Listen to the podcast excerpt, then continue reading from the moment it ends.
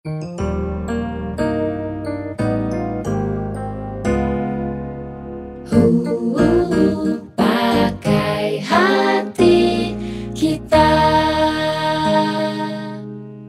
ketemu lagi di podcast Pakai Hati kita dengan gua Rahmania Arunita.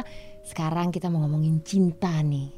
Di sini lagi ada Teh Meli, Guslau dan Mas Anto Hud dan kita akan ngomongin perjalanan cintanya Teh Meli. Aku deg-degan loh ini. Kenapa Sebenarnya deg-degan? aku sel- sebenarnya ke setiap ketemu Teh Meli deg-degan cuman aku poker face aja.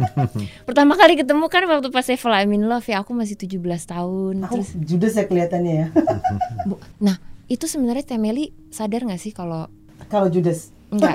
kalau Judas sih kayaknya emang udah setelan muka ya kita nggak Ya, bisa apa-apa. Nggak bisa dirubah ya. judes, oh. Cuman sadar nggak sih kalau orang tuh ketemu Teh Meli tuh kayak kena kejut jantung gitu. Kebanyakan sih gitu ngomongnya, tapi aku sih nggak nggak sadar biasa aja karena tiap ketemu orang siapa aja juga. Akunya biasa aja sih. Cuman emang katanya kebanyakan orang bi- bilangnya judes, galak gitu. Lah terus mm, Mas Santo pertama kali ketemu Enggak, enggak, enggak ada perasaan itu, biasa aja. Karena mungkin selera dia yang judes-judes. karena kan perjalanannya cepet ya. Kenal pertama kali tuh Tiga, bu- tiga bulan kita cuman, kita berjalan tiga Iya, bulan. ta- 94 akhir ya kalau nggak salah. 95 ya antara Sembilan 95 awal justru, terus tiga bulan berjalan melalui segala macam, terus eh, kita putuskan untuk kawin. apa yang membuat keluar keputusan itu untuk yaudah nikah. Apa ya? Mungkin juga umur umur saya juga udah ketuaan dan lain sebagainya dan Itu apalagi umur berapa? umur 31. Mas Santo 31, aku 21. jadi kemudian mau mau, mau ngapain gitu loh karena nggak ada nggak akan ada habisnya dan kalau dimulai lebih lama lagi artinya umur saya lebih tua lagi gitu itu yang pertama eh, pertama muncul tapi juga yang prinsip sih sebetulnya saya merasa bahwa ada frekuensi yang sama ketika ketemu dengan Meli ada frekuensi yang sama yang yang yang kalau ngobrol bisa nyambung dan lain sebagainya. Itu itu yang utama. Jadi kemudian langsung diputuskan dalam tiga bulan. Nah Teh Mili kan berarti kan umur 21 Mm. Langsung diajak nikah. Kalau Mas Anto kan ada ada kepikiran Gue udah umur segini nih Mau nyari apa lagi? Tapi kan kalau orang di umur 21 Itu kan baru exploring Baru menemukan yang namanya kebebasan Terutama kebebasan untuk memilih Memilih apa pun dalam hidup Kenapa terus memilihnya Oke nikah Aku tuh eh, karena aku anak paling tua, cuman dua bersaudara ya, yang kandung cuma dua bersaudara. Terus aku nggak kuliah juga, jadi sebenarnya nggak ada yang ditunggu gitu. Dalam karir juga saat itu aku kan sebagai backing vokal keliling studio, eh, backing backingin album orang gitu, dan nggak pernah terpikir untuk jadi penyanyi yang ada di industri rekaman nggak pernah terpikir karena dengan menjadi backing vokal aja udah happy udah bisa bisa beli beli beli keperluan sendiri segala macam jadi agak ada yang ditunggu gitu. Dan memang eh, dari dari dari perjalanan kenal tiga bulan itu sering eh, main ke kafe nonton bekas bandnya dia apa tuh ya udah ada rasa suka gitu. Jadi ya waktu dia bilang kamu mau nggak jadi istri aku? gitu. Aku langsung mau. Tapi nggak ada rasa takut sama sekali? Enggak sih, enggak ada rasa takut gimana maksudnya? Maksudnya kan Takut nanti apa gitu? takut kalau ternyata bukan the one takut kalau eh, apa namanya menghilangkan eh, kesempatan-kesempatan dalam hidup yang seharusnya bisa dilakukan pada saat masih single gitu Enggak, aku kebetulan enggak enggak enggak ada pikiran jauh ya. Dan emang orangnya nggak pernah mikir yang jauh gitu, jadi ya oke-oke aja. eh mungkin setelah setelah dijalankan, setelah nikah baru baru terasa gitu. Oh nikah tuh ternyata nggak segampang itu gitu. Harus setelah setelah nikah baru baru berasa.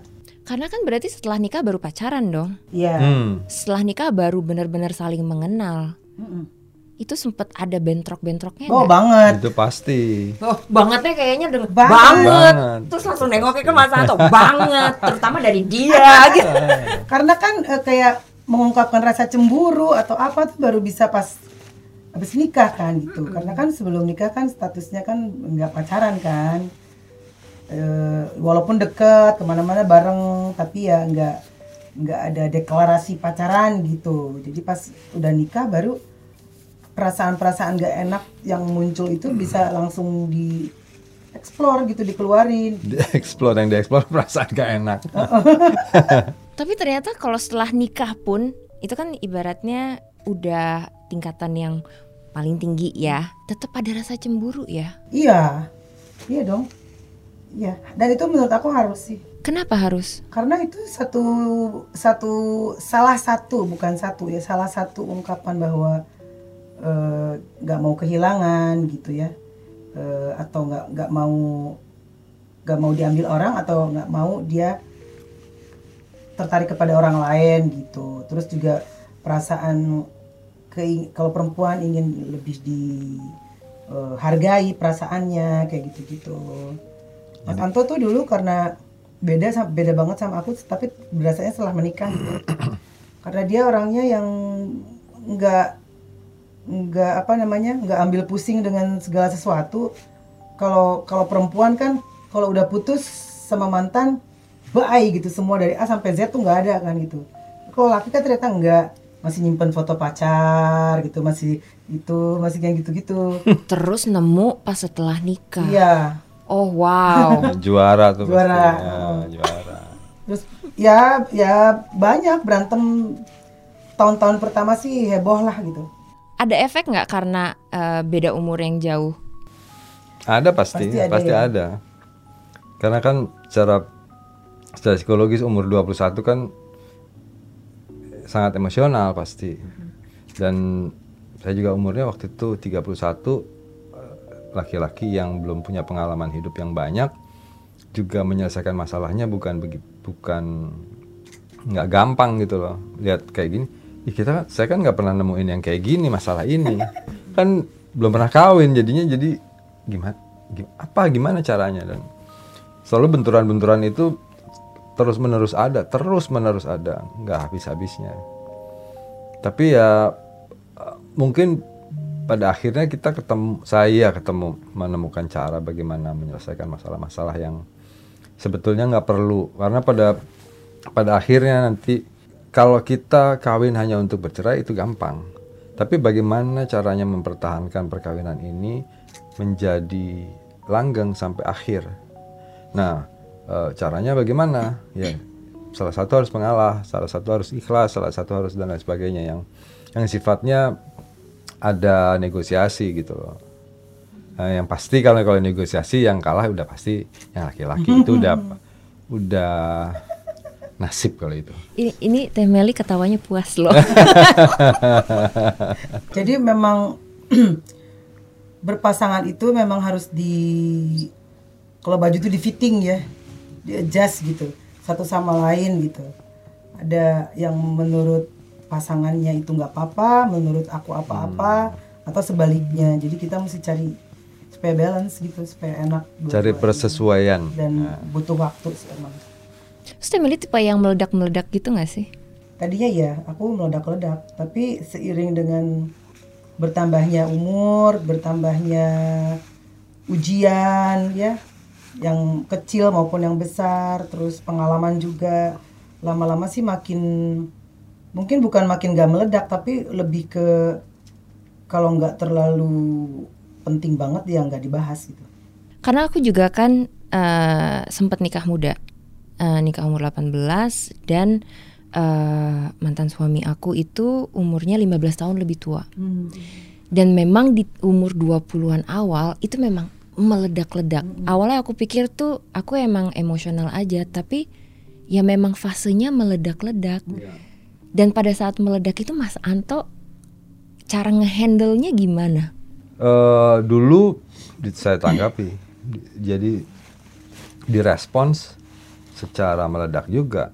Dan itu kan nggak ada habis ya, Dan karena kan perempuan pasti Iya. tak tahu Dan- dong gimana dan- cari supaya lu, lu salah. kalah, lu kalah dan lu lu salah dan lu kalah gitu kan. Nah itu memang muncul ketika mungkin umurnya udah 40 bahkan 50 Eh, karena buat saya juga eh, menanggapi hal atau merespons hal-hal yang seperti itu itu nggak ada perlunya. Kenapa? Nggak menyelesaikan apa-apa. Tapi di lain pihak saya juga memberikan gestur, memberikan tanda, memberikan sinyal bahwa marah itu nggak perlu karena tidak menyelesaikan masalah. Kalau ada masalah nggak perlu marah. Kenapa? Karena kalau kita marah, energi eh, kepala kita tuh dipakai untuk menyelesaikan marahnya, bukan menyelesaikan masalahnya. Sehingga saya harus memberikan quote ya pendidikan pada istri saya supaya semua itu diselesaikan secara secara baik, secara bijaksana dan lain sebagainya. Udah gitu kan kita ada anak. Nah, ketika kita punya anak juga itu satu pelajaran baru buat kita bagaimana menyelesaikan masalah. Nggak boleh berantem di depan anak misalnya atau em, sekarang udah pada besar-besar jadi kita harus juga berimbang. Eh, kadang-kadang perhatian kita kepada anak kita, anak kita dua-dua laki-laki berarti punya pacar perempuan kan. Nah, kita juga harus punya eh, eh, memperlihatkan pada mereka bahwa kita baik-baik saja di dalam satu waktu yang mungkin lagi nggak baik-baik gitu loh. Tapi waktu kalau perempuan kan umur 20-an dikasih tahuin kayak gitu kan tetap aja ya tapi kan Iya. Iya, saya saya nggak selesaiin pada umur saya waktu Meli 20 saya 30. Saya juga masa dalam masa yang sangat meledak-ledak. reaktif Ya, ya. jadi begitu dia marah, saya pasti defensif dan kemudian menyerang kan, diserang lagi balik, terus menerus begitu. Dan nggak selesai masalahnya. Jadi masalah utamanya sebenarnya apa sih? Jadi kita akhirnya bingung kita nih. Ya udah, akhirnya akhirnya ada satu titik di mana saya kemudian bicara ke dia. Kalau di- dikupas dari semua hal, dari kesalahan dan lain sebagainya, apakah kamu masih mencintai saya atau sebaliknya? Kalau masih ya udah kita lepas aja. Kita lepas aja ini masalahnya. Supaya tinggal cinta aja. Iya, artinya karena cinta kan eh, ada lagunya Meli apa yang namanya cinta tanpa batas. Jadi eh, Tanpa tapi. Eh, cinta tanpa tapi unconditional love kan itu itu unconditional itu memang ada harus ada harus ada kalau ingin mempertahankan sesuatu yang penting. Jadi akhirnya banyak pengalaman-pengalaman yang yang yang yang aku lihat ya dari dari teman gitu, dari teman, dari keluarga juga. Pada akhirnya kalau menurut aku reason dari sebuah perceraian itu misalnya ada orang ketiga atau Orang kekerasan atau materi gitu. Menurut aku itu cuman alasan menurut aku ya. Karena eh, kalau yang aku rasain apa pun itu kesalahan dari pasangan kita yang pernah dilakukan baik itu kecil maupun besar selama masih ada cinta itu semua bisa dihapus jadi memang eh, sebenarnya kalau mau jujur ya gak ada cinta atau cintanya kurang gitu karena kalau cintanya tebel banget semua itu bisa dihapus sama sih sebenarnya mestinya sama orang tua kita Be- betapapun kita salah kan tetap aja mereka mencintai kita Tuhan kita juga seperti itu dan kita terhadap pasangan juga seperti itu Nah, artinya tapi kalau memang ada perpisahan, berarti memang sebenarnya eh, memang gua gak cinta lu. Kalau gua cinta lu, lu salah, ya oke lah.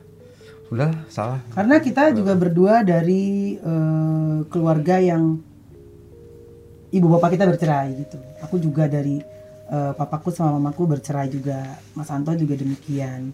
Jadi kalau aku lihat-lihat dari mamaku juga sebenarnya eh, apa ya ya boleh di, boleh dibilang mau, mau jadi gini kalau misalnya aku ber- bercerai dengan Mas Anto dengan alasan A apakah nanti aku dengan suamiku yang baru nggak ada itu si A si masalah A itu? Mungkin masalahnya akan nambah jadi AB yang padahal kalau sama Mas Anto cuma A aja.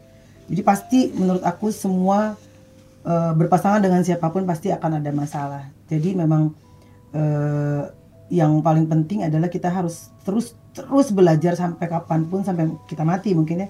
Terus belajar meng- memaafkan kesalahan gitu. Tapi itu benar sih, eh, karena kalau misalnya udah memutuskan pisah, itu artinya udah tidak ada keinginan untuk memperjuangkan, iya betul ya kan? Yang bisa dibilang, bis- kalau ditarik konklusi, intinya cintanya nggak cukup untuk memperjuangkan, Iya, Betul, iya, betul, iya, iya. iya. ya kan? Tidak ada potensi yang harus diambil kembali. betul Mm-mm. Aku sempat mempertanyakan diriku sendiri pada saat aku pisah. apakah sebenarnya aku dari awal itu nggak cinta ya? Terus muncul pertanyaan, dari mana aku tahu kalau aku cinta? Apakah cinta itu bisa pudar? Gitu. Tapi ak- keputusan aku bulat. Yang aku yakin adalah keputusan itu. Keputusan itu menjadi lebih meyakinkan dibandingkan cinta aku terhadap Iya. seseorang itu. Nah, Mas Santo tuh belajar tahu tentang hal itu, cara berkomunikasi, terus menghargai yang namanya perjuangan untuk mempertahankan sebuah hubungan dengan basis cinta itu dari mana? Saya juga nggak tahu, tapi yang saya pikir cuma satu hal. Ketika saya saya saya merasa saya eh, kawin hanya sekali. Kenapa? Saya nggak tahu juga kenapa. Tapi saya mau mempertahankan bagaimana komitmen saya, saya pertahankan sampai titik darah penghabisan. Itu aja sih. Jadi saya nggak mau main-main. Artinya kalau saya mau itu, ya itu. Saya selesaikan eh, sampai habis. Kemudian setelah bertahun-tahun dia kemudian pernah pernah bicara Kut- dikutip dari eh, kalimatnya Pak Agung Gumelar. Pak Agung bilang gini, kalau kamu udah pesen nasi goreng dihabiskan nasi goreng itu. Makan sampai habis. Itu itu komitmen. Jangan setengah-setengah habis. Aduh nggak enak nih.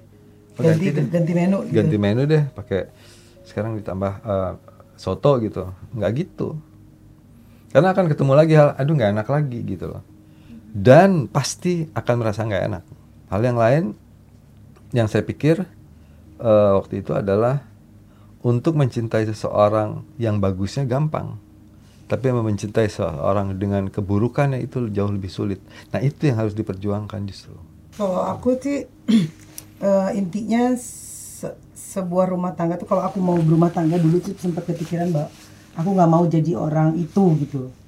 Jadi teman-teman aku yang udah nikah duluan terus jadi jadi mis- misalnya mis- misalnya eh, diem harusnya ngerokok jadi diem-diem ngerokoknya di, di belakang suaminya atau misalnya eh, biasa bergaul gimana terus jadi gaulnya bohong diem-diem aku nggak mau itu. Dan semua aku buka semua sama Mas Anto dan dia itu menerima. Dia menerima dia bisa nge- eh, apa namanya membaur sama lingkungan aku. Terus dia juga bukan tipe yang malam minggu apel gitu. Gue juga nggak suka gitu yang lagi apa udah makan belum yang gitu-gitu. Nah dia bukan tipe yang seperti itu. Jadi aku ngerasa aku masih punya kehidupan sebagai aku gitu sebagai Meli gitu. Jadi itu itu menurut aku menyenangkan. Salah satu yang membuat aku menerima dia tuh adalah itu.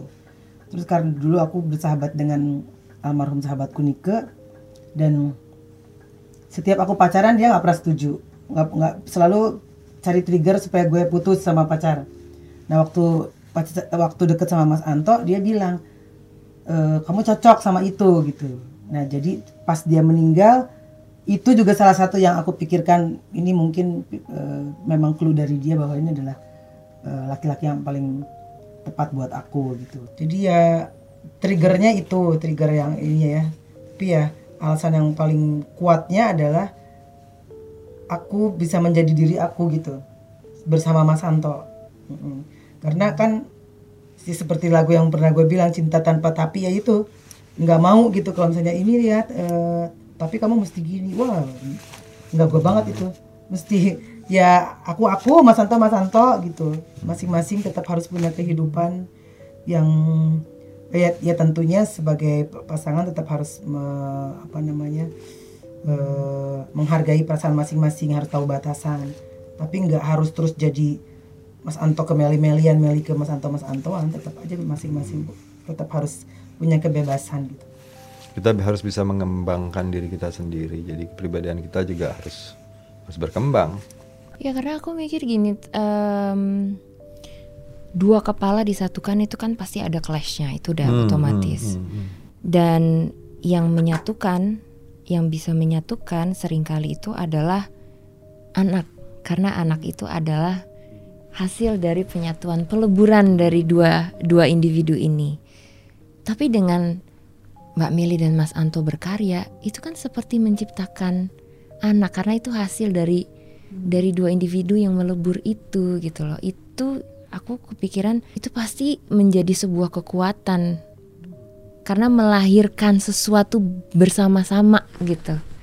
Nah, tapi di saat yang bersamaan sempat jadi masalah juga nggak sih karena kan menyatukan dua pemikiran itu tidak selalu jalannya mulus. Eh, kalau saya sih, saya mengatakan bahwa kita saling mempengaruhi, sehingga ketidakmulusan itu mungkin juga terbantu dengan eh, saling mempengaruhi.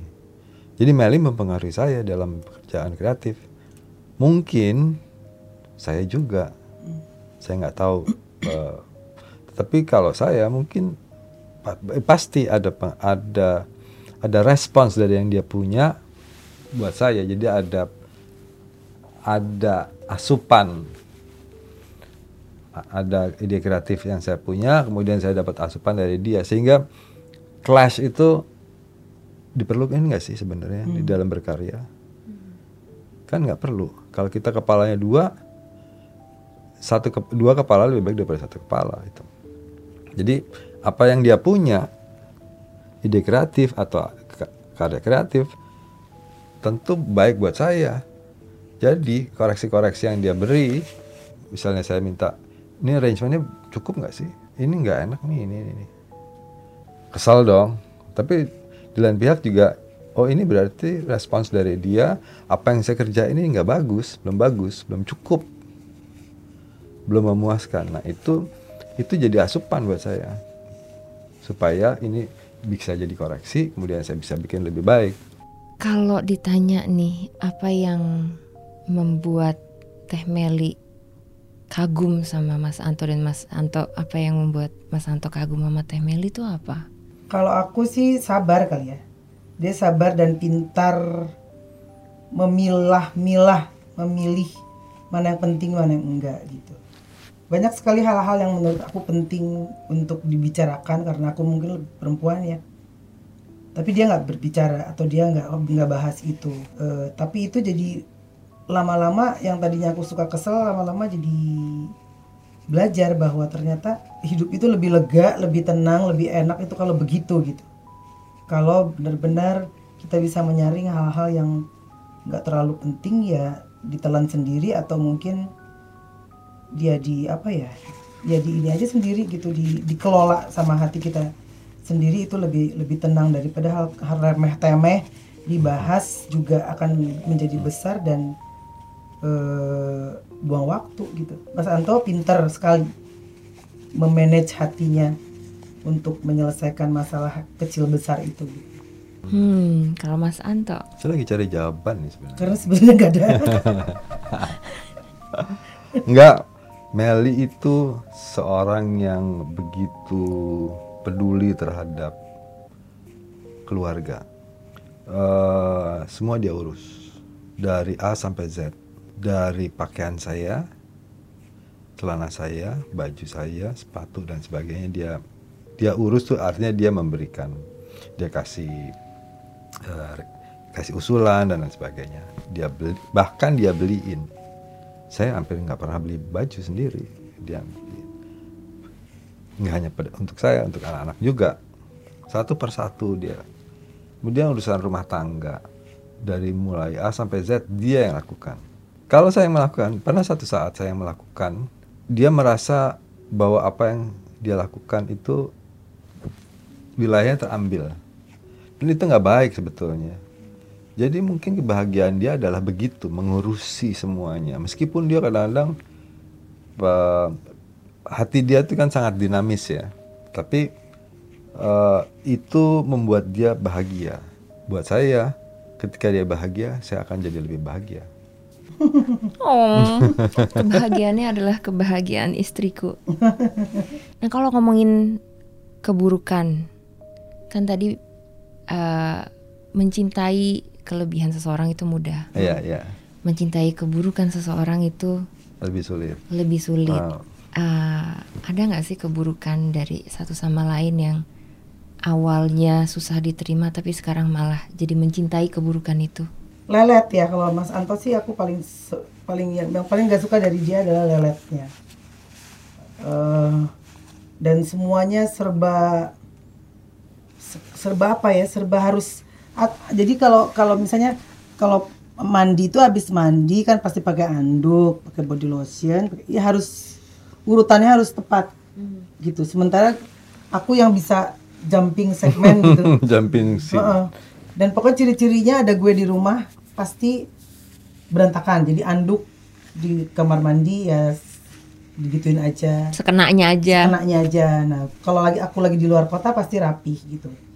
Tapi itu yang ngangenin gitu. Jadi ternyata yang buruk-buruk itu ngangenin.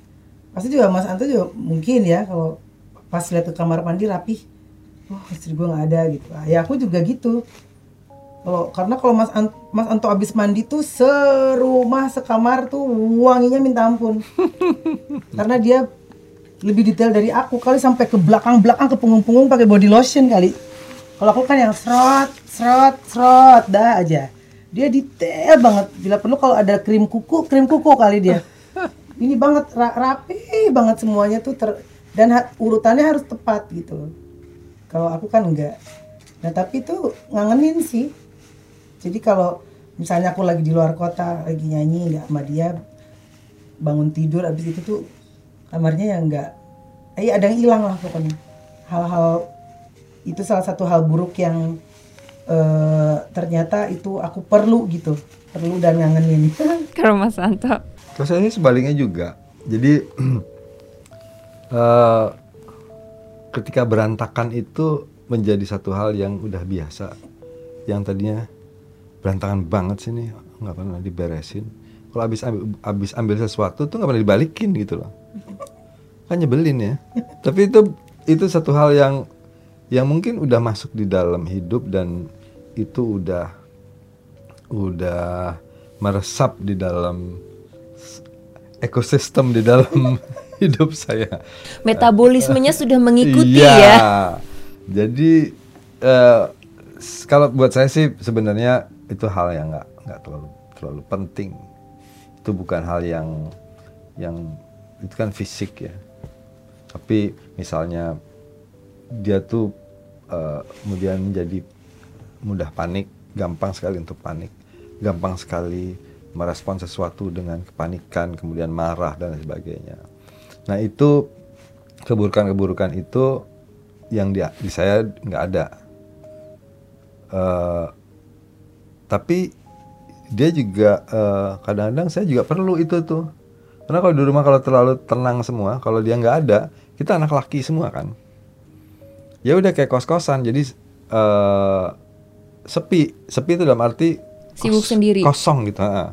Kosong karena nggak ada makanan. Kalau dia kan ada, ya, eh, kita beli makanan. Anak-anak tuh kalau eh, kehilangan suara yang karena yang paling keras suaranya adalah Meli di rumah. Paling keras karena dia penyanyi mungkin ya. Jadi kalau ngomong tuh keras di rumah paling keras. Nah Ale tuh juga selalu mengatakan itu. Kapan kehilangan ibu kalau nggak ada suara keras itu? Oh. jadi kalau di meja makan tuh keras suara yang ngomongnya keras. Karena kalau ada aku jadi rame. Rame dalam arti sua- ada suara gitu ya keras terus berantakan Ini kan sekarang anak-anak udah mulai gede nih. ya Mereka kan pasti acuan terhadap relationship dalam hidupnya mereka pasti mengacunya kepada orang tua. Tapi kan orang tua juga nggak mungkin terlalu involve ke dalamnya kan. Kalau ada esensi-esensi yang Mas Santo dan Teh Meli itu harus banget mengajari anak-anak tentang relationship itu apa? kalau kita yang awal udah pasti yang pertama yang paling prinsip adalah keimanan. Harus dengan yang iman yang sama. Kenapa? Kenapa itu penting? Karena ketika eh, berbeda memang akan di akhir cerita akan timbul masalah yang yang sebenarnya jadi yang tadinya dianggap kecil kemudian jadi masalah yang besar banyak contoh Nah, tetapi kan nggak bisa segampang itu juga menyampaikannya. Jadi, tapi harus perlahan-lahan. Itu pertama. Yang kedua, bagaimana bertanggung jawab terhadap pasangannya. Kemudian eh, artinya kamu, kamu harus sebagai laki-laki harus bagaimana, harus harus punya apa? Nggak selalu bukan berarti dalam dalam dalam eh, apa dalam bingkai baru harus menjadi kaya raya, bukan itu. Hmm. Tapi menjadi orang yang kemudian dihormati, dihargai dan segala macam yang yang sifatnya bukan materi. Nah kalau Teh Meli berhubung ini anak anaknya Teh Meli kan laki-laki semua nih. Mm-mm. Aku biasanya ke pacar-pacar mereka kayak ke temen. Terus karena anakku dua-duanya cowok, senang senang pernak pernik cewek, jadi senang belanja belanja online yang buat cewek sekarang jadi ada yang dikasihkan buat buat pacar mereka. Terus aku selalu menanamkan ke mereka adalah mulangin anak orang jangan kemalaman. Terus eh, ngajaknya ngajak juga orang tua mereka harus tahu. Terus ngembaliinnya jangan kemalaman pokoknya eh, lihat ibu deh gitu kalau ke perempuan tuh lihat ibu gitu ibu ka- kalian kan mau ibu ibu ibu kalian dihargai kan dengan segala macam lah gitu dari mulai packaging segala macam ya. Dan mereka kamu pun ha- harus begitu sama sama pacar-pacar gitu. Aku sih aku ya jujur ya pribadi ngerasa bahwa mereka sangat beruntung sih punya orang tua Teh Meli sama Mas Santo. Aku aja belajar banyak banget sampai ini aku lagi poker face. Sebenarnya dari tadi aku dalam hati tuh kayak wow. Poker face. wow iya juga ya. Wow sempat ada brain freeze brain freeze terus yang oke fokus fokus. Next next question. Banyak banget yang bisa dipelajari dan uh, aku yakin banyak banget yang terinspirasi sama alhamdulillah. perjalanan pernikahan Ya, dan tapi kita rumah- mungkin juga juga nggak sesempurna itu dalam hal. Maksud kita juga eh, sampai seumur ini, apalagi saya udah sudah udah kalau saya mau mengatakan saya udah agak senja. Jadi saya juga mesti banyak-banyak banyak sekali yang belum sempurna dari saya dan saya kira saya nggak akan pernah sempurna. tapi ya itu mencintai ketidaksempurnaan itu adalah perjalanan yang paling challenging tapi betul. memuaskan pada akhirnya. iya iya Terima kasih banyak udah datang dan sharing. Aku juga makasih banyak udah diundang. Seru banget. Jangan kapok-kapok. Nggak dong. Karena nanti nextnya eh, kayaknya aku penasaran pengen tahu kisah cintanya anak-anaknya Teh Meli sama Mas Anto. di mata seorang Teh Meli dan Mas Anto iya kan? Thank you so much. Thank sampai you. ketemu Thank you di juga. podcast berikutnya. Bye. Bye.